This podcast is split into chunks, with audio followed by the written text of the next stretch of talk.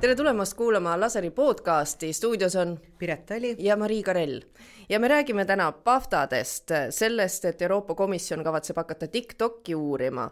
me räägime sellest, et nunnu on lahe ja päevikud on, päevikud trendivad, nagu öeldakse. päev, päevikud on erakordsed kuulid ja ühesõnaga me räägime ka veel eh, sellest, millest räägib tänane laser, ehk see on siis eh, rohepesu ja, ja sellest, kas Taylor Swift saastab oma eralennukiga rohkem või vähem kui Rally Estonia ja mingid teemad on meil veel, näiteks see, kas ai loodud äh, erinevad videod on dokument või mitte ja miks näiteks pressifotokonkurssidel stimuleeritud piltide eest auhinnad tagasi võetakse. aga me alustame äh, Aleksei Navalnõi surmast reedel teatasid Venemaa võimud, et äh, opositsiooniliider Aleksei Navalnõi on surnud vangilaagris ja kui esimesena võttis sõna Aleksei Navalnõi naine Julia, siis ta ütles, et aga ma ei tea, kas ma võin Venemaad uskuda, et kas mees ikka on surnud? kas, et kas ta ikka on surnud ja, ja, ja tänini nad otsivad tegelikult surnukeha taga, nad ei ole seda kätte saanud ja surnukeha ei ole antud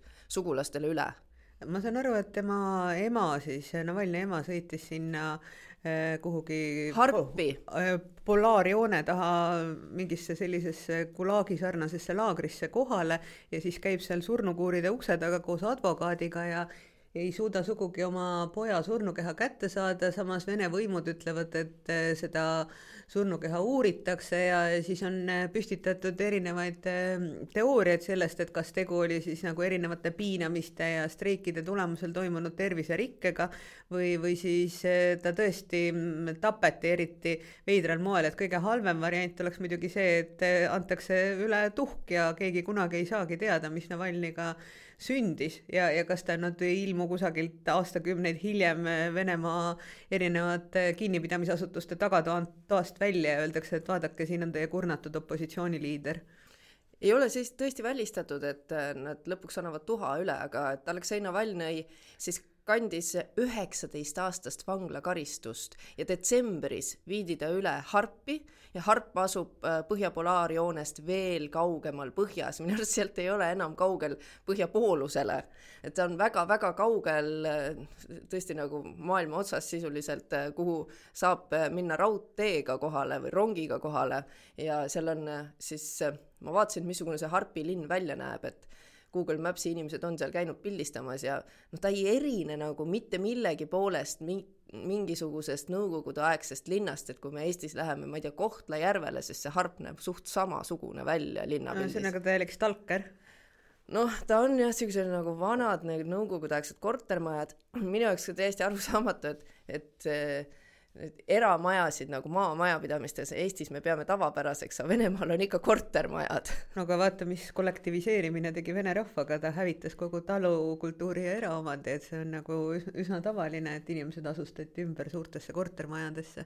ja see Harpi vangla on siis ehitatud aastal tuhat üheksasada kuuskümmend üks Gulagi üheks siis vangimajaks või noh, samas süsteemis, eks ole, kuhu inimesed kuskile küüditati Kolomaasse või siis Harpi, polnud nagu sisuliselt vahet, et ma kui me räägime sellest, et kas teda seal piinati vangistuses, siis kindlasti teda piinati, on ju, sest üleüldse selles Gulagi tüüpi vanglas elamine on üks suur piin. no seda enam, et tegu oli ikkagi Läänes ülikoolis käinud inimesega, kes oli väga jõukas ja põhimõtteliselt sellistes tingimustes eh, elamine oli tema jaoks juba piin, ma kujutan ette, et seal mingil hetkel ju püstitati teema, et kas seal on tervislik toit ja ja nii edasi, et, et noh, kokkuvõttes eh, ta ei saanud eh, elada nagu sugugi sellisel levelil, nagu ta oli harjunud elama mis mõttes tervislik toit? ei no et ma räägingi, et, et e, esiteks alustame selles on ju, see Harpis, seal on äh, praegu selline kolmkümmend kraadi külma on ju, mhm. kakskümmend viis, kolmkümmend kraadi külma, okei okay,, ei tundu väga hull, kui sa elad soojustatud akendega majas või soojustatud seintega majas, aga kui meile nüüd on jõudnud eh, siis eh, päevikud Kolomaa vangilaagritest eh, ja teistest Gulagi vangli, vangilaagritest, kus me näeme, et koloonia tüüpi vangla tähendab seda, et sa oled väga mitmekesi ühes toas naridel ja seal on kogu aeg külm. ja seda köetakse mingisuguse plekkahjuga, mis noh, annab sooja täpselt nii kaua, kui seal tuli all on ei no samas näiteks ütleme nii, et eh, need minu mitmed sugulased, kes kõik Siberis olid või Siberist tagasi tulid, nad elasid väga pikalt, selles mõttes, et ikkagi, kui panna inimene külma ja ta peab väga suurte eluraskustega toime tulema, siis minu arvates üks proua, kes viidi ära pärast oma pulmi ja tuli tagasi pensionärina, et eh, tema põrutas üheksakümne viieni ja oli väga kepsaka tervisega. et eh, näiteks kahjuks minu vanaisa, kes oli Tallinnas selline heal järjel ametnik, viiskümmend pluss vanuses, tema noh, ta muidugi lasti maha, aga, aga et tema ei oleks vangilaagris heas toitumises mehena selles eas vastu pidanud absoluutselt. aga noh, aga see kõlab, see kõlab nagu mingisugune noorenduslaager, aga see ei ole seda mitte, selles mõttes, et see külm on tegelikult asi, millega seal igapäevaselt võideldakse, eks ole. teiseks on seal siis see vangla lobi, noh ma ei usu, et selles osas ka väga palju on toimunud revolutsiooni, et esiteks ma ei usu, et on euroremont toimunud kõikides mm. Gulagi vanglates, kaasa arvatud selles Harpi omas, kus Navalnõi istus. teiseks ma ei usu, et seal on toimunud, mingisugune Jamie Oliveri tüüpi toidurevolutsioon, et see ködi, mis sealt antakse, noh, see kaugel tervislikkuseks. kolmandaks, missugused võivad olla seal justkui hügieenitingimused, et ähm, Šalamov on väga värvikalt kirjutanud äh, siis oma kogemust Kolema vanglas istudes, kus äh, neil oli lihtsalt nii palju täisid, et kui nad saadeti suvel metsalaagrisse, siis nad ööseks kaevasid oma riided maa sisse, jätsid särgikrae ainult maa peale, et siis täid sealt maa alt, tundes, et aa, nad hakkavad vist lämbuma, äh, tuleksid selle särgikrae peale ja siis nad hommikul saavad selle krae pealt ära pühkida ja oma mullased riided selga panna no jaa, aga küsimus ei olegi ju selles, et äh, Vene riigivõim tahaks, et need vangid seal kaua kestaks ja püsiksid heas toitumuses ja toonuses, et eesmärk on ikkagi hävitada ära äh, reaktsiooniline klass inimesi, sest noh, Venemaal on ju alailma kogu see valgustatum pool Äh, tasalülitatud. Ja, ja noh, see, et seal on äh, olnud opositsiooniliidrid, kes kõik nagu ükshaaval on erinevate meelemürkidega või mitte meelemürkide, vaid närvimürkidega maha notitud, äh, noh, see on nagu pigem muutunud reegliks ja, ja, ja siis ka Vene võimud praegusel hetkel on ju kahtlustanud, et kuidas on ikka võimalik, et Müncheni julgeolekukonverentsil kõik need dissidentide naised ja inimesed olid kohal ja Nad suutsid kohe Navalnõi surmale siis erinevate pöördumistega reageerida ja eile ju ka meedias levis Julia Navalnõja pöördumine, kus ta ütles, et et tegelikult on saanud ju sellest äh, Aleksei Navalnõist märter, kes äh, peaks juhtima edasi seda võitlust. et tekib küsimus, et kellele ja miks see surm just praegu kasulik oli ja kas äh, keegi ametnikest nagu tahtis lihtsalt suurele juhile teha teenet ja kas suur juht sellest üldse teadlik oli või oli see lihtsalt eelmäng presidendivalimistele, et tasalülitada kõikvõimalikud kandidaadid, siis ma räägin Venemaa presidendi presidendivalimistest. mind väga huvitab, kas Aleksei Navalnõi tegi märkmeid, kui ta istus vangis, ma usun, et ta tegi.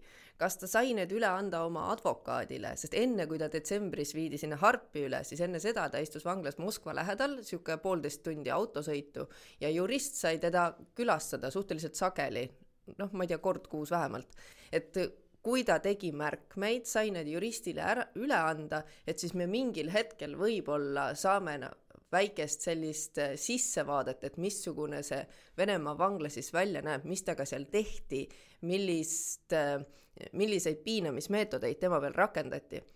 aga seal Harpis äh, ei olnud saanud tal keegi külas käia, ta oli ju tükk aega kadunud, sugulased mõtlesid, kus ta üldse on, sest keegi ei andnud teada, et need no teisest no. küljest äkki ta on juba ammu surnud, aga lihtsalt ta... nagu teatati seda praegu ja, ja nüüd, kus, eks ole, on see poliitiliselt mingil põhjusel oluline ja see Harp on nagu siis kõige rangema režiimiga vangla üldse Venemaal, äh, sinna äh, üldiselt muidu pannakse siis äh, mõrvareid ja, ja sarimõrvareid ja on internetist võib leida, et Navalnõi siis istus seal rõõmsalt koos nagu näiteks Sergei Ossipenkoga, kes ta, kes on siis Kasahstani vene päritolu seeriamõrvar Äh, tappis äh, naisi ja lapsi, mm, siis koos Aleksander Eli-, Elistratoviga, kes äh, tappis kuus inimest ja röövis kedagi, siis koos Aleksander Griebaga,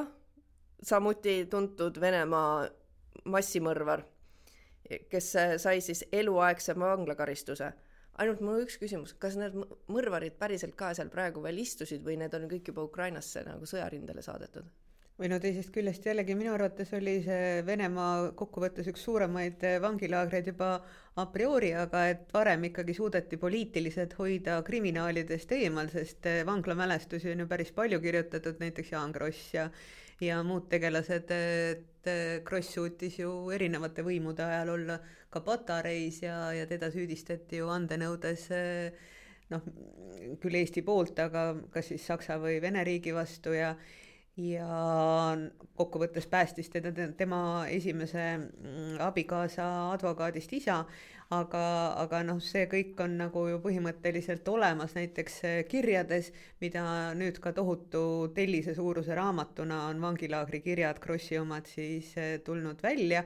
Eh, paar aastat tagasi vist Eerik-Niiles Kross avaldas need kõik minu kallid krantsid oli pealkiri ja, ja noh, ma arvan, et, et, et tegelikult ma arvan, et enamikel eestlastel puuduvad igasugused illusioonid, mis endast kujutab Vene vangilaager, Vene vangla ja Vene terrorisüsteem. et tegelikult on nagu õudustäratav pigem see, et, et see kõik on jälle tagasi. see on väga õudustäratav ja kui me näeme ka neid äh, tänaval arreteerimisi, et inimesed läksid siis protestima Venemaa tänavatele. Nad läksid täiesti rahulikult panema kahele ausambale lilli jah, see on isegi Nad ei teinud mitte midagi. see on veel parem sõnastus.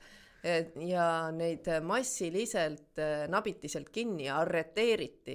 ja viidi viieteistkümneks päevaks äh, kinnisesse asutusse. ja noh, samas on nagu üllatav, et noh, Venemaal ikkagi keegi julgeb veel nina välja pista, kui arvestada seda, et seal on tänavatel näotuvastusprogrammid, et kui sa seal oma nelkidega kuhugi lähed, et ilmselgelt äh, mingil hetkel lüüakse sul sõrmed sahtli vahele ja küsitakse, miks et ehm, see ikkagi loob nagu mulje samasugusest terroririigist, nagu see oli Stalini ajal, kus sul ei olegi nagu mingit võimalust demokraatlikult eh, oma sõnavaba, õigust sõnavabadusele realiseerida, mis on minu arvates väga hirmuäratav. ma arvan, et see arreteerimiste laine võib veel tulla, et nad ükshaaval hakkavad läbi selle videosilma siis eh, tuvastama neid inimesi ja nägusid ja nimesid kokku viima ja ma tõesti väga loodan, et ei et ei juhtu sama, mis oli siis äh, Nõukogude ajal ja ja Stalini režiimi ajal, kus öösiti koputati inimeste ustele ja öeldi, et te olete arreteeritud. ja ei ole mõtet küsida, et mille eest, on ju, sa võid igasuguste asjade eest saada arreteeritud. ja et, et kui kaugel me nagu üleüldse oleme sellest, et et äh, neid siis äh, ei määrata sinna vanglasse viieteistkümneks päevaks, vaid iga väiksema asja eest sa võid saada, ma ei tea, kümme aastat või mahalaskmise või kogu vara konfiskeerimise või kogu ja väljasaatmise, et selles mõttes tekib ju küsimus ka, et eh, kui palju üldse nagu vabalt või normaalselt mõtlevaid eh, kodanikke on Venemaale alles jäänud, et noh, oligi küsimus selles, et mis hetkeni eh, oli veel võimalus nendel, kellel oli vähegi ma-, materiaalseid võimalusi või hea haridus, sealt lahkuda et, et, et kui palju see kohalik äh, seltskond suudab endast välja kasvatada äh, veel mingisugust reaktsioonilist massi, et minu arvates ka selle Julia Navalnõja sõnumis oli see, et, et noh, üritus, idee vabast Venemaast, demokraatlikust Venemaast peaks e-, edasi kestma ja, ja see sündmus peaks tekitama inimestes raevu, siis Aleksei Navalnõi mõrv, noh, ilmselgelt ei ole tegu siis ju sellega, et keegi sureb vanadusse viiekümne või neljakümne seitsme aastaselt. ta oleks saanud neljandal juunil nelikümmend kaheksa, see on ikkagi väga noor mees. jah et yeah. noh, selles mõttes selles vanuses nagu isegi sellises äh, artilises tingimustes ei surda. jaa, aga et siis ongi küsimus, et mis, mis punkti alusel neid inimesi seal justkui arreteeritakse, on ju. et sa pead ikkagi, isegi kui sa oled diktaatorlik riik, sa pead ikkagi mängima mingisugust nagu seadusandlikkust ja mingisugust kohtusüsteemi. et ähm, nõukogude ajal oli see paragrahv viiskümmend kaheksa, see propaganda või agitatsioon, mis sisaldab üleskutset võimu kukutamisele, õõnestamisele või nõrgestamisele. et kas see on siis see, mille tagasitulekut me nüüd näeme või? No ilmselgelt see on seda, aga et noh, see ongi nagu veider, et äh, lääs ei ole võimeline sellest aru saama. Neile väga hästi sobib see, et äh, Venemaa kujutab endast äh, põhimõtteliselt nagu demokraatiat teesklevat kütusetanklat, mis müüb kogu Euroopale siis gaasi ja, ja Euroopa sõltub sellest ja siis on nagu mõistlik silmad kinni pigistada ja nagu erinevate inimõiguste osas, et noh, ma saan aru, et see, et Navalnõi vangis istus, see ei huvitanud eh, lääne jõulisi inimorganisatsioone niivõrd, et oleks midagi juhtunud, et oleks sealt nagu pääsenud.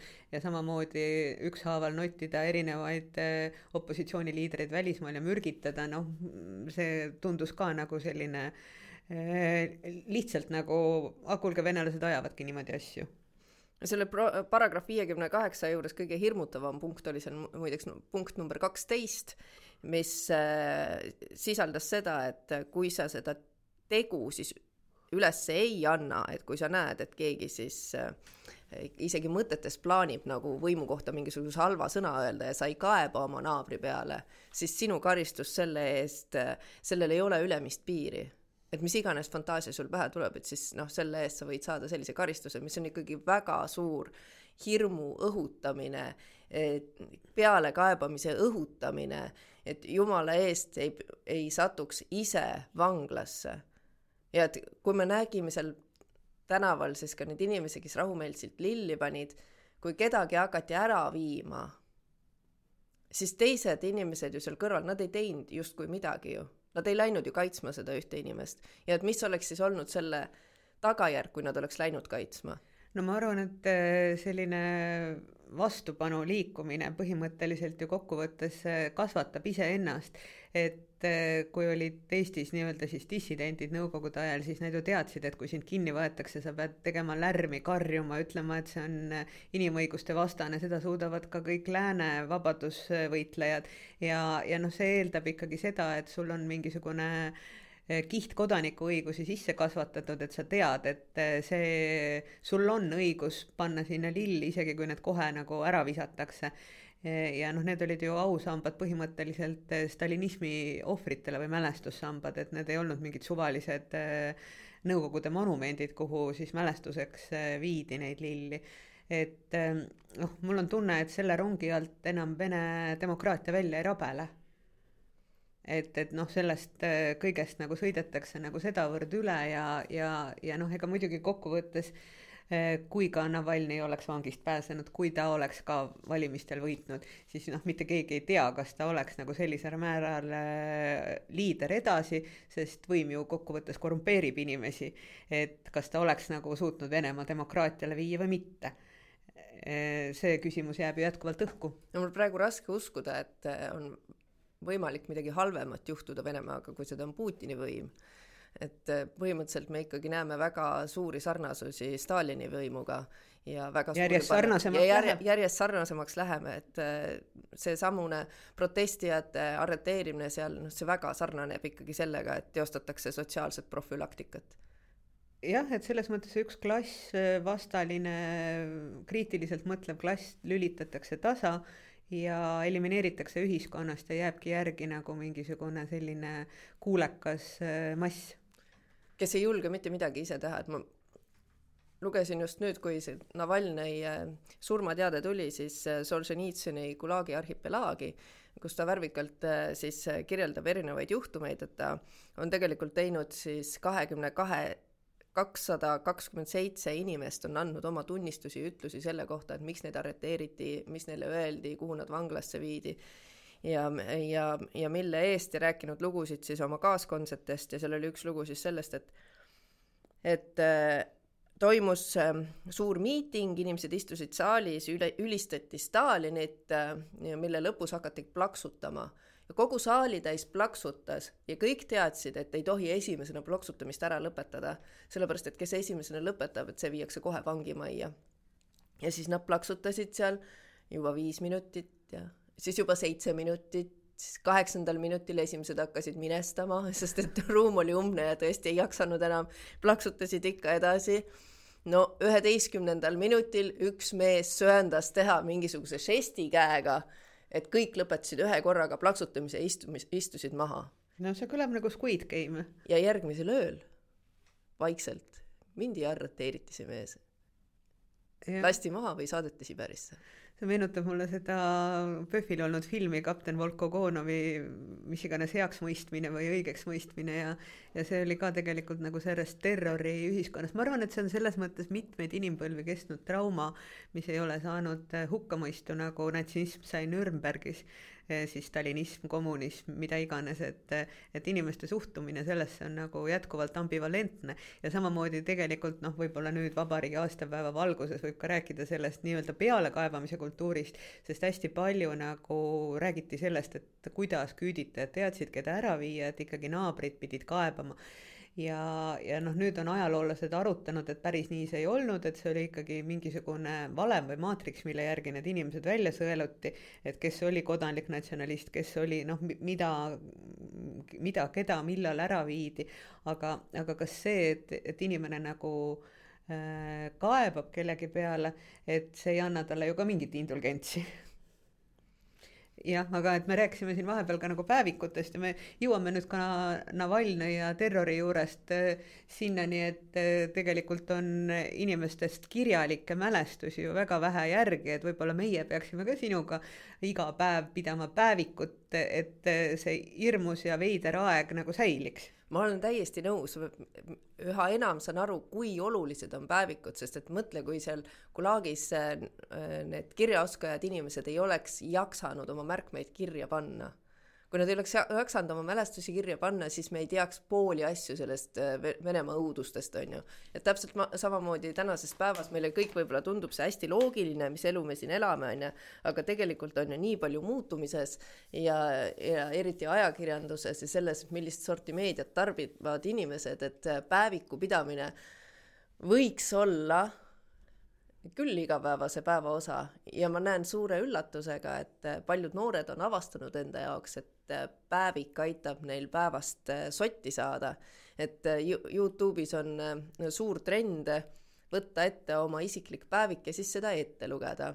sel teemal tegime Lasertechi Youtube'i kanalis ka oma loo ja mm, avame seal meie noore kolleegi Aria Helmveega oma päevikud ja siis, et mis selle päeviku trendi nagu, noh, sellel on kaks mõtet, on ju, et esiteks, et sa arhiveerid justkui siis seda ajastut või kuidagi kirjeldad seda ajastut, kus sa elad parasjagu, et võib-olla see kunagi järg-, järgnevatele põlvedele, põlvedele oluline.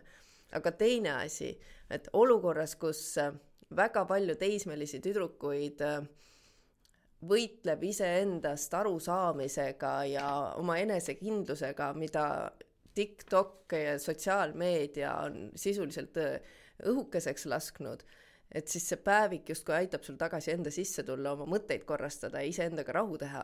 ma vaatasin ka seda lõiku, mis oli nagu minu lemmikosa sellest lasertehist, Zoomer versus Boomer, et äh, noh, need päevikud, mida te pidasite või millega te välja tulite, olid ju erakordselt erinevad, et äh, Aria oligi oma seda teismeiga arhiveerinud nii-öelda, et seal oli, ma saan aru, klubide käepaelu ja peikade jalakarvu ja jumal teab mida ja siis erinevaid, minu arvates tundus see erakordselt lõbus ja ma hakkasin mõtlema selle üle, et kas talle tuleb nüüd mõnelt kirjastajalt pakkumine see avalikustada, et noh, see tundus nagu lahe, igal juhul olu-, oluliselt lahedam kui see Gary Walker, kelle, keda te näitasite, kellel on miljoneid järgijaid eh, ja kes müübki nagu vildikaid ja päevikuid, kus saab mingeid ruudukesi värvida, vot see tõstis mul küll nagu juuksed püsti.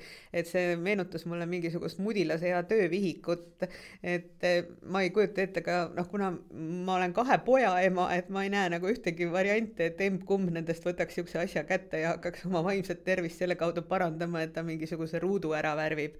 aga noh, samas võib-olla see on nagu hea, et kuna mina olen sunnitud äh, oma noh, tervise osas ma pean näiteks toidupäevikut ja siis, siis ma peaks ühtlasi ka üles märkima oma Äh, meeleolud, une ja kõik muu sellised. oo nagu..., sa võiks teha seda värviliste vildikatega. et ma pean moodi... selle Kerry Walkeri päeviku omale ostma, no way ma seda ostan. issand, tead, mis me võiks teha eh, laseripäeviku, mis on nagu natuke see väike era-, edasiarendus. on Trello juba ju et, et meil ei ole sihuke äh, roosa, mis võib-olla tekitab nagu meeskuulajates ja vaatajates teatud trotsi, et nad ei taha roosat, ainult see on sihuke neutraalne, sest me oleme väga sooneutraalsed ja väga kõik nõuame... asjad on rohelised ja sinised õi-, õiglused ja õigused kõigile, eks ole, ja siis seal oleks vaata, sulle aitab lihtsalt see päevik natukese süstematiseerida oma mõtteid, et mul sa mõtled, sul on valge leht, mida ma siia kirja panen, et hästi imelik tundub, et minule on terve elu tundunud see hästi imelik, et ma nüüd hakkan kirjutama. et siis see päevik võiks olla justkui mingi kirjanduslik väljendus, aga kui ma olen õhtul väsinud et sa Kirjutam... tahakski täita ära lüngad, kus sa paned Jaa. värvi, et kas oli nagu päev oli täitsa pekkis, natuke pekkis või jumala normaalne. et mulle tundus see Riia süsteem nagu väga tore, et ma olen ka saanud mingeid imelikke kingitusi endale, mis on äh, midagi, mis meenutab meieaegset liikuvat aabitsat, kus sa saad panna oma nagu päeva meeleolu pildid sinna püsti või sealt eesmärkmik oli selle asja nimi. et mul on tunne, et, et paber teeb igal juhul comeback'i, et need ajalehed võivad ju ilmumise lõpetada, aga need märkmikud ainult nagu kasvavad äh, ja, ja noh, kõik nagu erinevad paberkandjad samamoodi, et noh, see, mina näiteks hoidsin teatrikavasid alles pikalt, et läbi aastakümnete.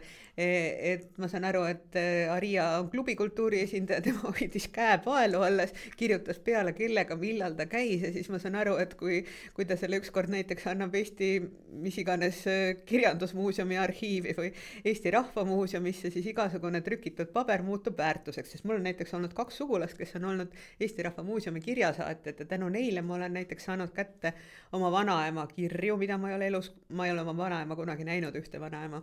ja, ja noh, selliseid paberkandjaid, mis nagu teevad meele rõõmsaks ja ma arvan, et, et noh, kuna sina rääkisid seal oma lapse esimesest kolmest eluaastast peetud päevikuid, siis eh, ka minu seesama Siberisse viidud vanaisa pidas oma laste päevikuid, aga kahjuks need põlesid koos Tõrva linna pommitamisega ära, sest need viidi sinna varjule, Tallinnat pommitatakse, aga pagan, Tõrva põles ka ära, et ma oleks küll tahtnud teada, kuidas minu ema ja tema vend nagu lapsena kasvasid ja, ja peab tunnistama, et need kirjalikud paberid, näiteks ma avastasin, kuna ma oma ema arhiivi siis eh, panin kokku, et ta oli kogunud mu, oma esimese lapselapse joonistusi, nüüd kus see lapselapse isaks, ma kinkisin need joonistused talle. Nii nunnu, aga mõnes mõttes see aitab ju ka tegelikult põlvkondasid üksteisele läheneda, et äh, ma kunagi teismelise eas hakkasin päevikut pidama ja siis ma mõtlesin, et kui ma saan kunagi ise lapse ja ta kasvab teismeliseks, et siis mul on hea lugeda ja vaadata, et, et missuguseid siis arusaamatusi võib-olla vältida oma helisemise seas. tuletaks omale meelde ja, seda, kes mis, sa olid. ja, ja mis, kuidas ma mõtlesin siis, kui ma olin teismeline, et äkki mul täiskasvanuna siis on parem nagu aru saada oma teismelisest lapsest, onju.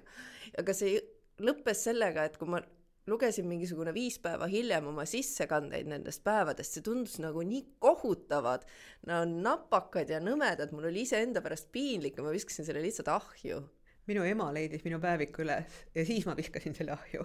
ma sain aru, et igasugused jäljed sellest, mida ma teen või mida ma olen, on mõttetu jätta selles mõttes, et noh, ta küll luges seda kõige paremate kavatsustega, et, et mõista mind, meil oli ikkagi neljakümne aastane vanusevahe.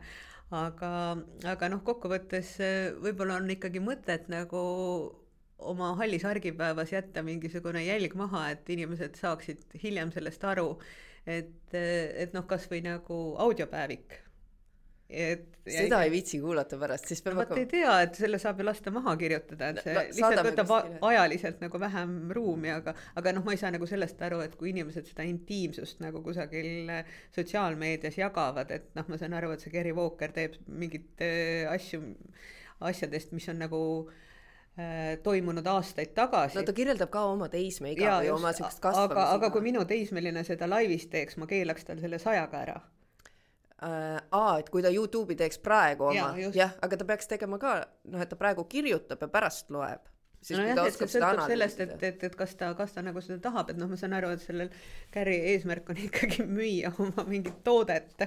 tema eesmärk võib-olla ei ole jah, nagu ilmtingimata see, et sa tegeleksid oma vaimse tervisega, aga tegelikult päevikul on vaimse tervise korrastamises väga suur mõte ja paljud mindfulnessi õpetajad seda soovitavad ja, ja me oleme lapsega teinud ka siukest happiness journal'it, kus on lüngad ja sa saad tõmmata nagu seal naerunägudele ringe ümber ja siis kirjutada sinna, et kolm kõige ägedamat asja, mis sul tänases päevas juhtusid. Ja need ei pea olema see, et sa ostsid nagu ma ei tea, Mercedese endale. Mm.. et need nagu väiksed asjad, et sa oskad väärtustada ja tähtsustada väikseid asju oma päevas. sa oskad et... oma emotsioone kirjeldada, mis nagu on toimunud, et see aitab sul endas selgusele jõuda, kas mitte ka perekond, kes väga palju oma kaksikutega reisib, eks ole, ei pidanud need kaksikud ka reisipäevikuid, et nad noh, õpetasid neid, neid reise jäädvustama, et oleks nagu mingisugune jälg alles.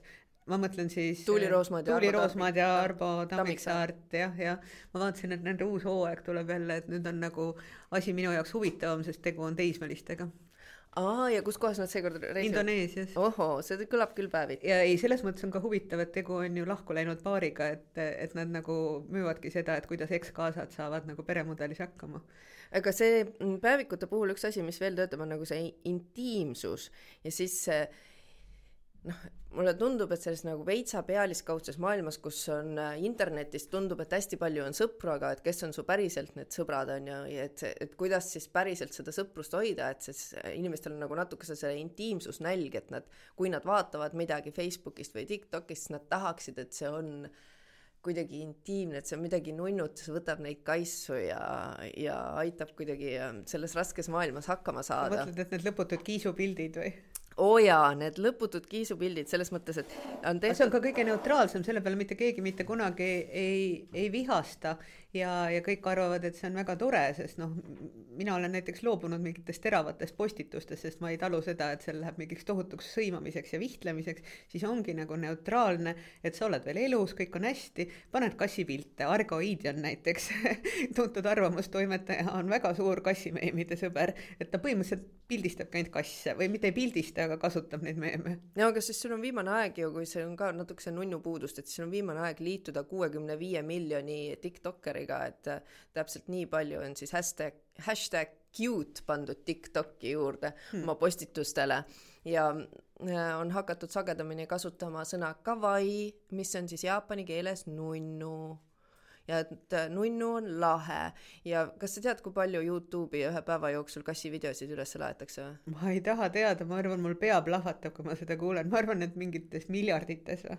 üheksakümmend tuhat iga päev üheksakümmend tuhat. nii palju kui jaa, aga iga päev. täiesti autentsed uued kassivideod või? täiesti autentsed, iga päev üheksakümmend tuhat uut kassivideot. kusjuures peab tunnistama, et mina olen ilmselgelt koerainimene ja mul on kassidest täiesti sügavalt ükskõik. ma saan aru, sest et sinul on sokkide peal täna kutsud on ju, ma, ma näen, sa siin võid öelda, et oi, see nunnudes, noh, ma ei tea, see ei ole mulle ja nii edasi, onju, aga me näeme, et kõikide nagu loomasokid on täieliku comeback'i teinud, sinul on sinul kutsusokid, mul on karukesed, mul on karukesed soki peal, siis meie kolleegidest ühel on põdrakesed ja teisel on rebasekesed. Aga kas ei ole mitte naeruväärne, et meie eagrupis inimesed panevad omale mingisugused jumal teab mis asjad selga, miks ei võiks olla sokk triibuline? Et oleks nunnu, ma räägin, see nunnudus. On praegu nii suur vajadus, et isegi on tehtud teadustöö selle kohta, kuidas nunnundus võttis meie aju üle ja vallutas maailma. no see on kõige hullem on vist see, et eh, minu väiksem laps on selle kunagi äh, läbinud, ostes minisoost kõiki neid peletisi, kes seal müüakse, see pood, mis seal Solarises all on, kus müüakse mingeid Jaapani stiilis suuri mänguasju ja peab tunnistama, et mingisugusel tänavalaadal Kalamajas ma üritasin neist eh, lahti saada ja need läksid nagu soojad saiad. kõik poisid ja tüdrukud ostsid need eh, siis oma aja ära elanud eh, mingisugused padjasarnased pelletised kokku, mida oli mingil hetkel hädasti vaja olnud. aga noh, ilmselt on sellel ka mingisugune tarbimisaeg, et sa saad oma väikse sooja mingisuguse boost'i kätte ka asjast, mitte, mis ei ole elus ja läheme järgmiste teemadega edasi ja räägime paftadest, sest mulle tundub, et seal on ka nagu intiimsuse ja nunnundusega palju pistmist. Millest sa tahad rääkida, sellest, et Emma Stone on erakordselt nunnu ja mida ta ju tegelikult on, onju. aga võib-olla alustame sellest, et Emma Stone ähm, läks kaasa Margot Robbie siis arendatud äh, sellise mm, välja arendatud stiiliga, et ta ilmus auhinnatseremooniale oma karakteri riietuses ja seda nimetatakse metoodiliseks riietumiseks ehk method dressing ta, ta ilmus nagu mingis barbikleidis järjekordselt või? no, Emma Stone ilmus lõheroosas kleidis Louis Vuittoni omas, millel olid väga puhvis varrukad ja see meenutas tema karakterit siis sellest filmist Vaesekesed, kus tal olid ka kogu aeg puhvis varrukad ja siuksed no, nagu pastellised toonid. mingisugune mingi varuosadest kokku pandud roboti sarnane elukas. ta näeb veider välja, aga tegelikult ta on siis nooruke, kes avastab oma äh, siis seksuaalsust äh, nii iseenda kui ka teiste partneritega. noh, see oli selline klassikaline minu veetlev leedi lugu, kuidas tehakse, tehakse siis nagu mingisugusest olendist äh, naine aga Emma Stone võidis, võitis selle eest siis BAFTA ja mm, selles Method Dressingus ma nägin veel üks päev oli Zendaya, kes on siis Düünis naispeaosaline mm, ja ta ilmus mingisuguses kõrbekostüümis välja tema või? ilmus välja Terry Mugleri vintaaž kosmosekostüümis, milles on tagumiku osa näiteks paistab läbi ja siis äh, kaela ümber on ma ei taha mõelda, miks peab kosmoses tagumik läbi paistma. seda ma ei tea, aga see, see nägi väga efektne välja ja kaela ümber tal oli selline metallist äh, võru ja mulle tundus, et ta ei saa väga palju oma pead liigutada, sest muidu see äär lihtsalt lõikab kõrri. aga see nägi super efektne välja. see meenutab mingeid Aafrika suguharude mingeid ehteid. ja, ja see sobis suurepäraselt Düüni äh, siis esilinastusele, et Düüni teine osa peaks jõudma Eestisse märtsi alguses aa, ta ei olegi veel kinos või? veel ei ole. Aga issand, see raamat on ju päris tükk aega tagasi kirjutatud, et see oh,. raamat on muidugi ammu kirjutatud. ja see oli mingi totaalhitt ju.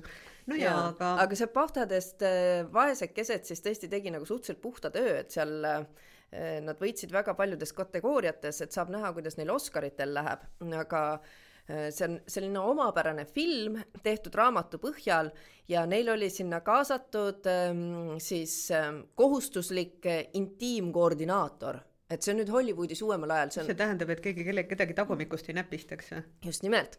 selles mõttes, et filmides on vaja teha seksitseene aeg-ajalt, on ju. ja siis selleks, et need seksitseenid oleks turvaliselt ka naisnäitlejatele ja meesnäitlejatele. selleks on kehadublandid. ja transsoolistele, no aga kehadublandid on ka inimesed, nad võivad ka solvuda, kui neile hakatakse lihtsalt ütleme midagi... nii, et kui kehadubland solvub, on see kordades väiksem kui emast tõus solvub, sest see arve on oluliselt väiksem, kui see mingi kohaliku tähtsusega Robert Sarv selle peaks saatma igal juhul siis selle vaesekeste siis intiimkoordinaatoriks või selliseks nagu kohustuslikuks äh, konsultandiks seksitseenide osas oli kolmekümne kolme aastane Ellen McAlpin, kes äh, oli selleks äh, seksi siis konsultandiks ka näiteks Sex Educationi nimelises äh, Netflixi seriaalis, mis on noorte hulgas väga popp olnud. Ja Elle, Elle McAlpin on ise näitleja ja ta siis põhisõnum on see, et me peame nägema, et seksitseenid filmis vastavad siis sellele, missugune päris elus näeb seks välja. kui paljud pea... meist on vaadanud ennast nagu kõrvalt, et kas need vähesed inimesed, kes on oma magamistoa lakke peegli pannud või, või filmivad kõiki oma võimalikke äkte. ei, ma ei taha, et sa naerad selle üle, selles mõttes, et see on väga see on suur probleem. ei, see on väga suur probleem, et me oleme harjunud filmides nägema seksi, mis rohkem näeb välja nagu vägistamine ja vähe on seal seost äh, konsensusega või siis nõusolekuga.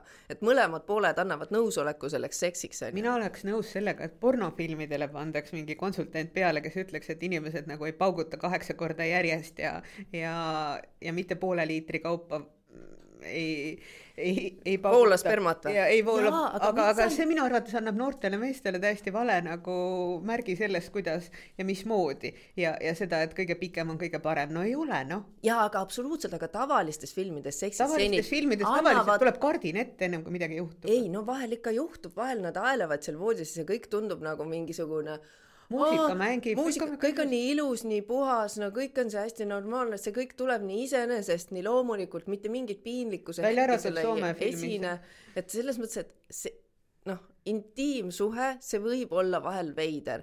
inimesed, kes on noored, lähevad esimest korda intiimsuhtesse, nad võiks teada, et on olemas näiteks, ma ei tea, tagumikukarvad, veidrad hääled libesti, et pärast need linad ei ole nagu kriitvalged, et noh, seal on mingisugused märgid. ära nüüd äh, taha, et noored inimesed saaksid juba ennem trauma, kui nad üldse jõuavadki seksini.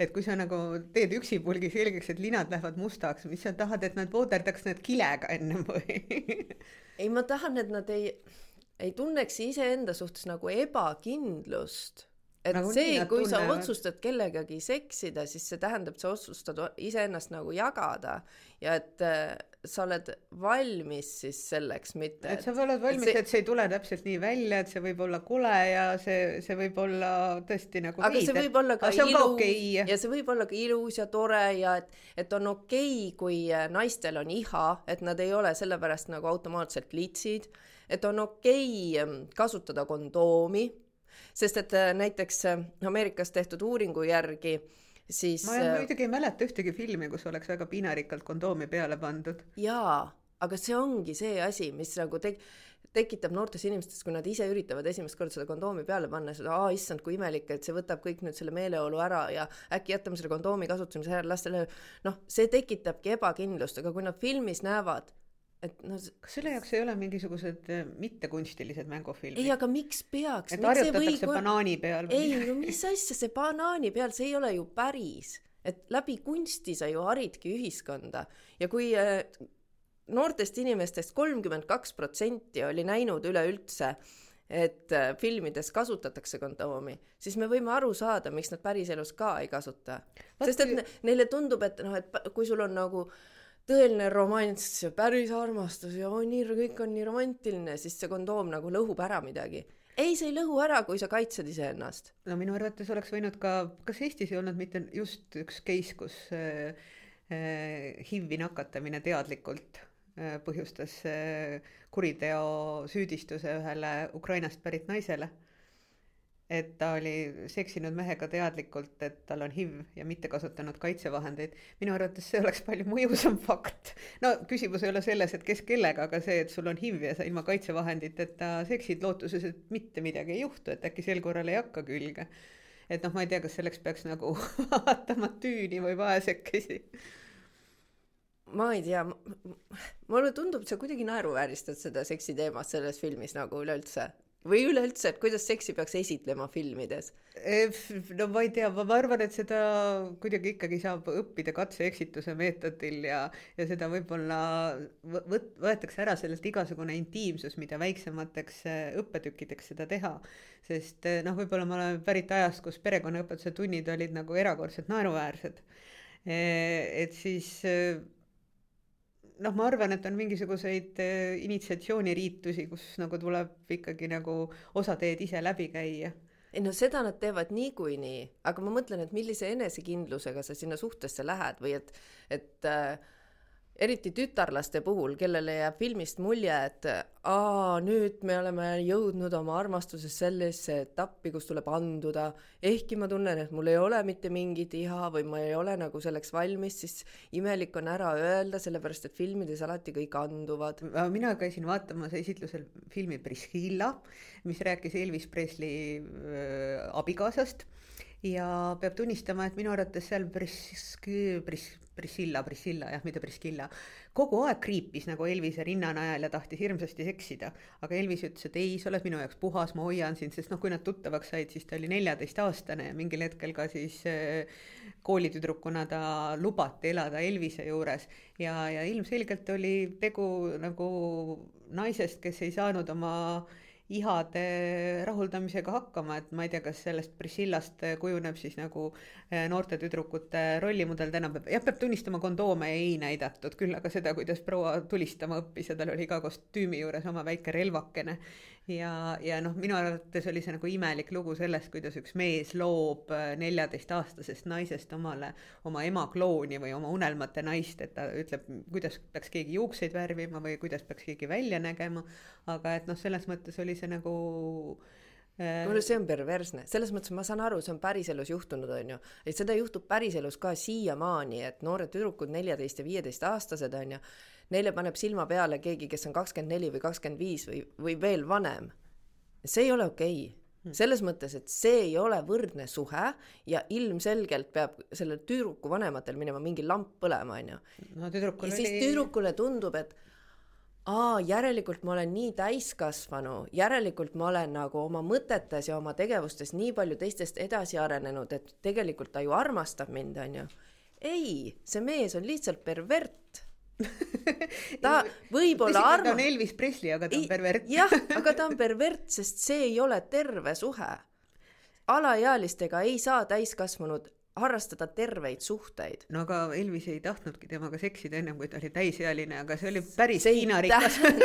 ta otsustas enda käe järgi kasvatada, sellest ma räägin, see ongi ohtlik, see on nagu allasurutud suhe algusest peale, mitte võrdne, kus kõigil on nagu võrdsed õigused, kus sa lased inimesel kujuneda nii, nagu ta tahab, selliseks, nagu ta tahab, mitte et sa hakkad teda siin kasvatama, no kokkuvõttes ei oleks me keegi oma kogemusteta need, kes me oleme aga kas me jõuame nüüd ka tänase laserini või me räägime ennem terve seksuaalajaloo ja hariduse teema? mul on nii palju selle kohta öelda. teeme selleks eraldi saatesarja, ma arvan, et see on päris hea mõte et eh, vähe sellest, et sa siin arvad, kuidas või noh, pakud mõtteid välja, kuidas tüdrukuid harida. ma saan aru, et sa käisid läbi Eesti erinevate toredate idufirmade kontorid ja küsisid, et kuhu te panete minu süsinik jalajälje kustutamiseks mõeldud raha ja me räägime siis äh, erinevatest emissiooniskeemidest, mida inimestele maha müüakse ja öeldakse, et okei okay,, kui sa siin maksad kuuskümmend senti rohkem või viis eurot rohkem, et siis sinu südametunnistus on puhas, et sa võid rahulikult tarbida kõiki neid äh, kaupu, mida on äh, maailmas saada, võid sõita lennukiga, autoga, rallil seal äh, rallile minna, siis äh, võid äh, pakke tellida väikese patsi kummikaupa ja noh, sa ei pea muretsema selle tohutut CO2 jalajälje pärast, äh, mis meie maailmasse tekib. aga ma, ma, ma tahan tegelikult küsida, et kas sa nagu päriselt muretsed selle pärast või sa muretsesid antud juhul eksperimendi korras? tead, ma päris, päriselt muretsen selle pärast, et mulle tundub, inimesed ei saa aru, miks nad maksavad kuuskümmend senti või viis eurot juurde. no see kuuskümmend senti, ma saan aru, et tuleb sellest, et sa ostsid eh, Lux Expressis eh, pileti Haapsallu ja tagasi ja selleks, et seda kahtesadat kilomeetrit kuidagi heastada, oli see tasu kuuskümmend viis senti. pakutakse juurde, et palun tasu kuuskümmend viis senti, et siis see süsiniku jalajälg, mida buss nagu tossates teeb, on ju, et siis see eh, justkui kompenseeritakse, on ju. no ja, ja mis nad sulle ütlesid selle peale, et kuidas see kompenseeritakse, sinu kuuskümmend viis senti, et see läheb kuhugi, ma ei tea, Karagandaasse või Sumatrasse või jumal teab kuhu ja, ja siis keegi seal kasvatab selle eest lambaid, et äh, maailm oleks parem või? tead, see kõik tundub pealiskaudsel vaatlusel jah, nii lihtne, et see kuhugi läheb, on ju, ja ma saan aru, et inimestel ei olegi päriselus noh, igapäevaelus sul ei ole aega süveneda, tahtsite see kuuskümmend viis senti, okei okay,, ma maksan ära, ma, ma isegi ei jõua mõtlema hakata, kuhu see läheb, on ju. ja kui ma läksin kõiki neid küsimusi esitama, kuhu need sendid ja need eurod lähevad, mida te meile tarbijatena ütlete, et me peame tegema, oi, kui sa Alexelas tangid oma kütusepaagi täis, on ju, las me istutame sinu eest puud, et sa tunneksid ennast paremini. ma saan aru, et nad istutavad neid puid kusagile Jüri mõisa maa peale, Jüri mõis saab sellest kümme tuhat eurot. see selleks, see on, siin puid istutatakse erinevatesse kohtadesse ja kogu aeg jääb mulje, et see puude istutamine teeb midagi super paremaks, et see, et mingisuguseid mm, rahasid saadetakse kuskile Indoneesiasse, teeb sealsete inimeste elu paremaks, et siis nad saavad nagu ka, ma ei tea, mingisuguse biogaasi ahju või hüdroelektrijaama aga kui ma läksin neid küsimusi küsima, siis minu jaoks kõige suurem üllatus oli see, et mitte ehkki, keegi ei tea, kuhu. jah, mitte keegi ei tea, kuhu, ehkki me ütlesime neile teema ette. me ütlesime neile ette, et me tuleme, küsime, kuhu need sendid lähevad ja ma lähen kohale intervjuule ja nad hakkavad mingi totaalset kelbast ajama siis otsime taga mingisugust hüdroelektrijaama Indoneesiast, on ju, Sumatra saarelt. aga see osutus Hiina hüdroelektrijaamaks? saame, e, intervjuus ühe korra öeldakse, et see on Sumatra saarel, siis kirjalikus öeldakse, esimeses vastuses see on Sumatra saarel, kirjalikus teises vastuses öeldakse, see on Sumatra saarel, aga kolmandast kirjast selgub, et oi, aga see on hoopis Hiinas, see hüdroelektrijaam no see oli nagu tegelikult oli see DPD äh, paki.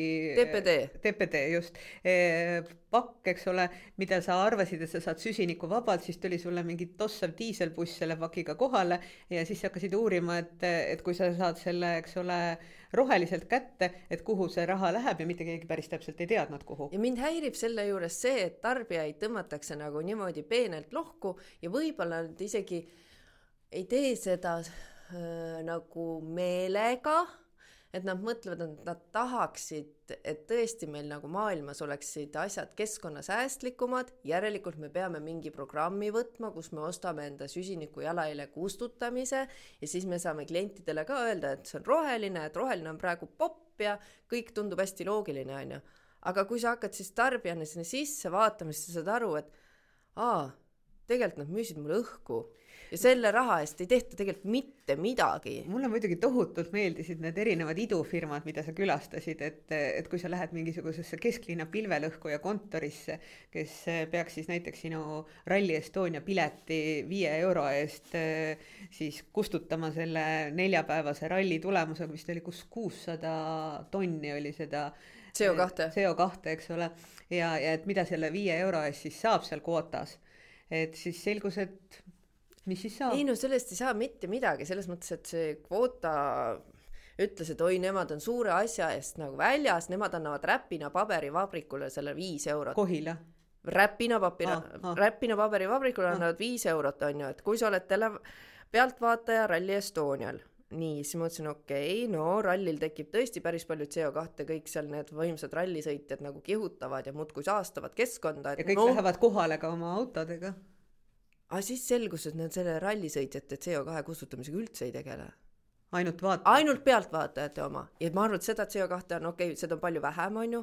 no okei okay,, võtame sammu kaupa, ei saa ju iriseda iga asja pärast, võib-olla see on hea asi, võtame sammu kaupa, on ju. ma ütlesin, okei okay,, aga pealtvaatajaid, et äkki oleks noh, saanud neid näiteks bussidega kohale viia, et selle asemel, et iga pealtvaataja sõidaks oma isikliku autoga, et äkki need mingid bussid oleks nagu efektiivsed. kujutad ette Eesti meest, kes läheb rallit vaatama ühistransporti? väga hästi, sest mina Eesti, ei kujuta Eesti mees tahab ju ralli kõrvale õlut juua ja seda võimaldab talle suurepärane bussitransport. aga no seda nad ei teinud, on ju, nad otsustasid, nad annavad Räpina paberivabrikule viis eurot iga pealtvaataja pealt pealtvaataja muidugi ise maksis selle viis eurot kinni, midagi nad, midagi nad ei andnud, eks sa ise maksad selle eest, onju. kui ma küsin Räpina paberivabrikult, et mitu lehte paberit selle viie euro eest siis täpselt ühe inimese eest noh, saite siis toota või kuidas see suurendas teie tootmist, siis Räpina paberivabrik vastab selle peale, et kahjuks see kvoota meid äh, vanapaberi kasutamise juures mitte kuidagi edasi ei aidanud just, aga noh, see, mis mulle nagu tohutult meeldis, mis on ka nagu ülemaailmse vendeta põhjustanud, on lennukitega lendamine. ma saan aru, et põhimõtteliselt iga kord, kui ma jala lennukisse tõstan, siis Greta Thunbergi ja nutab krokodillipisaraid ja ütleb, et ma peaks jala käima ja siis kiusatakse seda vaest Taylor Swifti ka, et on tehtud mingisugune konto, kus jälgitakse, kuhu ta oma eralennukiga läheb. no mis te tahate, et see Taylor Swift käiks jala või, või sõidaks tõukerattaga või? Et äh, Taylor Swiftil oli kaks eralennukit ja siis äh, fännid tõesti väga hoolega on silma peal hoidnud ja teinud eraldi Twitteri konto puhtalt selle jaoks, et jälgida, kuhu Taylor Swift sõidab. aga kas see ei ole mingi kius? las ta sõidab, kuhu ta tahab. ei, aga no ma vaatasin ka, et mis need sissekanded siis on, on ju, et Taylor Swift ei sõida lennukiga, noh, niimoodi, ma sõidan eralennukiga natukese, ma ei tea, üks kord kuus. ei, ta sõidab iga päev, mõni aga... päev kaks korda päevas, aga see on ju ka loogiline, kui sa lähed Haapsallu, sa pead sealt tagasi ka saama, on ju just, aga millega ta siis peaks sõitma, kui tal on see äh, sportlasest see Travis Kelly või mis ta nimi on? Travis Kelci. Travis Kelci jah, et kelle... see on näete Superbowli mingi tüüp, et ta... kelle olemasolust me ei oleks mitte midagi teadnud, kui ta ei oleks Taylor Swifti äh, peikaks osutunud. mitte keegi ei oleks seda fucking, vabandust, seda Superbowli ka vaadanud, kui see Taylor Swift poleks seal vahepeal laulnud. ja kui palju lennukeid lendas, eralennukeid kokku sinna Superbowlile ja missugune tiim sealt pärast pärast ära lendas, see oli kohutav kogus CO2. aga vaata, kui palju sõitis inimesi Dubaisse kliimakonverentsile, kaasa arvatud viiskümmend eestlast ja sa ei saanudki teada sinu võimete juures, et kas nad maksid selle oma süsinikjalajälje kustutamise eest või mitte. et mingid eh, organisatsioonid ütlesid, et kahju küll, see rohepesu, me ei maksa. minu arvates Kaja Kallase majapidamine ei öelnud üldse mitte midagi. no ju nad pidasid eh, muid küsimusi tähtsamaks, me ei saa seda kohati neile panna pahaks, aga ma mõtlengi, et okei okay,, et, et kui meie ametiasutused ei võta ametlikku seisukohta selles osas, et äh, igasugune emissiooni siis mingisuguste kvootide või indulgentside müümine inimestele on tegelikult kaheldava väärtusega, nagu ütleb Kliimaministeerium meile saadetud kirjas, et see on reguleerimata turg. Äh, meie ei ostnud sinna seda CO2 ekvivalenti juurde. lennupiletile. lennupiletile on ju, ei lennanud Dubaisse äh, siis koos sellega, et me hakkame justkui oma jalajälge kustutama, sellepärast see on reguleerimata. Ja siis ma mõtlen, aga miks te inimestele ei ütle, miks te ei ütle kõikidele nendele Eesti ettevõtjatele, et see on reguleerimata, see on ju meie inimeste raha, mida sinna reguleerimata aga turule pumbatakse. tegid selle eksperimendi läbi, palju on Finnairist lennupiletile võimalik nagu juurde maksta? mega? See oli vist tuhat eurot no,. megalt palju on võimalik juurde maksta. ühele edasi-tagasi lennupiletile no,. see on üks igavene kahtlane business kui sa näed kuskil, et sinu jalajälg kustutakse, kustutatakse, siis ära usu seda lubadust, on kokku kas ma tohin teha oma jalajälgi ise? ma ei taha, et keegi need ära kustutaks, mulle meeldivad minu jalajäljed, ma ei saa nagu eirata seda, et ma elan sellel planeedil. ma tahaks, et me kõik lihtsalt suhtuksime nagu normaalsed ja hoolivad inimesed meie kodumaasse, meie planeeti Maa, et me sorteerime prügi, ei saasta nagu mõttetult, ei äh.... seda prügi sorteerimist sa jälgisid väga terava kullipilguga erinevates Eesti iduettevõtetes. seda kõike näeb täna õhtuses telesaates ja ma ise ka vahepeal hoiangi peast kinni, mõtlen, mis asja ma tegin seal nüüd ma ei ma ei ole ennem laserisse tööle tulemist üldse nii palju prügi sorteerinud kui siin. jumal tänatud, me ühe inimese oleme suutnud ümber õpetada hoolimata sellest, et mulle meeldivad minu jalajäljed ükskord ma nägin, meil oli, ähm, minu armas äh, sõber käis siin tööl ja siis äh, ta hakkas üks õhtu töölt ära minema, ta projekti korras käis meil siin kolm kuud onju, ta hakkas töölt ära minema. ta pani valesse prügikasti midagi? Ta pani oma käekotti kogu päeva jooksul tekitatud prügi ja kui ma küsisin, et miks sa nii teed, siis ta ütles, et see on nii keeruline, et mul on lihtsam see koju viia lihtsalt kusjuures ma olen temaga nõus, sest ma iga päev pean mõtlema selle üle mingi prügikasti ees, kuhu ma midagi oh panen. me selle koha lõikame välja, sellepärast et prügi sorteerimine on imelihtne, me kõik seda saame teha ja see on kohustuslik, bioprügi peab panema eraldi. bioprügist ma saan aru, kõige muuga on keeruline.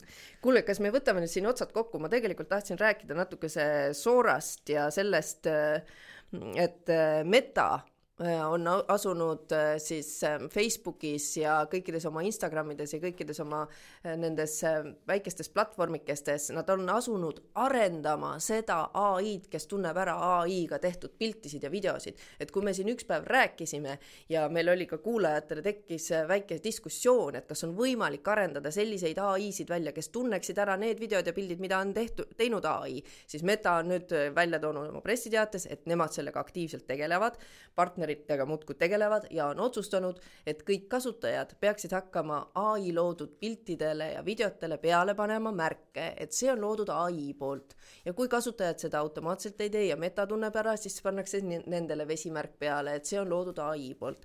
ja kasutajad, kes eiravad seda nõuet, need saavad karistatud ma arvan, et vaesed koolilapsed, juhul kui mõni peaks meid kuulama, nagu konstantselt puutuvad selle asjaga kokku, et neid sunnitakse käsitsi asju kirjutama, et õpetajad ometi kord mm, saavad enda kätte jämeda otsa ja kogu kirjalik või siis eh, digitaalne history kustutatakse ära ja kõik peavad vaevlema pastaka ja paberiga nagu meie oma kiviaegses nooruses.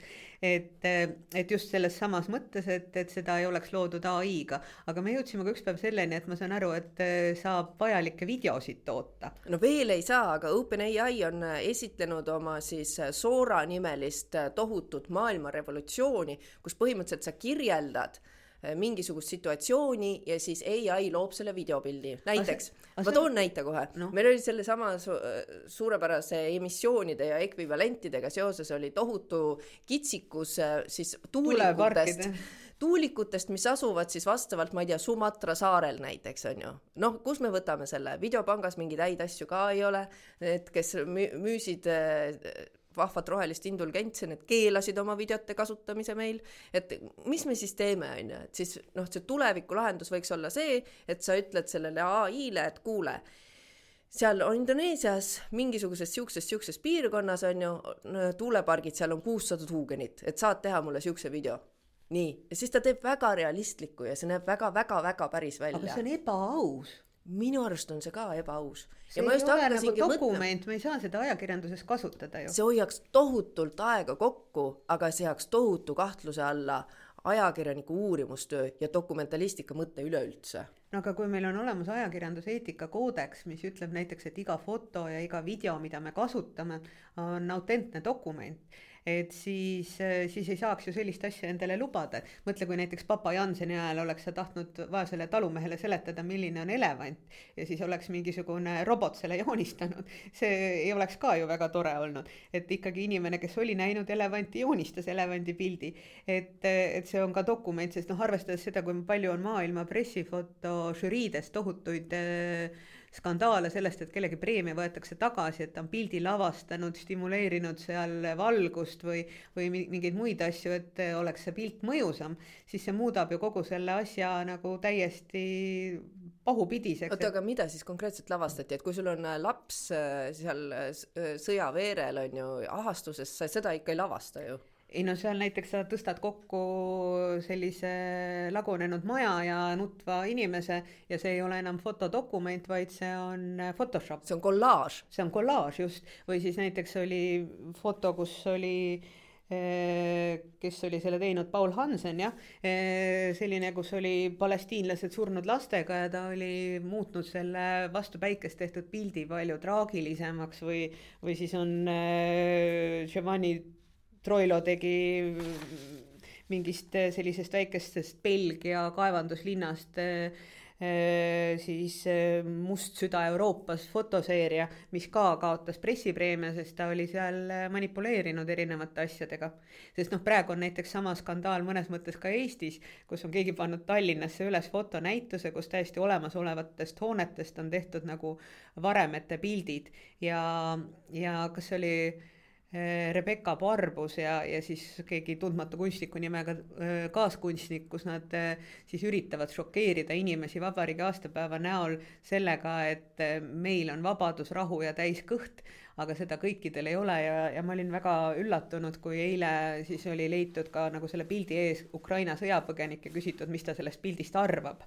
ja ta ütles, et see on nagu väga šokeeriv, et, et aga, aga see paneb inimesi mõtlema, see on võib-olla vajalik aga päris ajakirjandust jätkuvalt meie siin laseris viljeleme ja hoolimata sellest, et ma saan aru, et ei oleks valmis tegema ka podcast'i, kui me sisestame kõik need märksõnad, mis me siin täna, millest me täna rääkisime, ma ei tea, Gulag, Nalv-, Navalnõi, Solženitsõin, Taylor Swift ja siis äh, ta on võimeline nagu kahe eraldi meile sarnase häälega podcast'i kokku panema, siis ma kardan, et tal analüüsivõime veel jätkuvalt puudub no jumal tänatud, et me saame panna oma asjale peale selle, et see on inimloodud kõikide meie jalajälgedega koos ja see on imetore. laseri saadet näete teisipäeviti pool üheksa TV3-s, podcasti kuulate kõikidelt nendelt platvormidelt, kus te olete harjunud podcast'e kuulama ja, ja Youtube'ist leiate meie sõsarkanali Lasertech. aitäh kuulamast!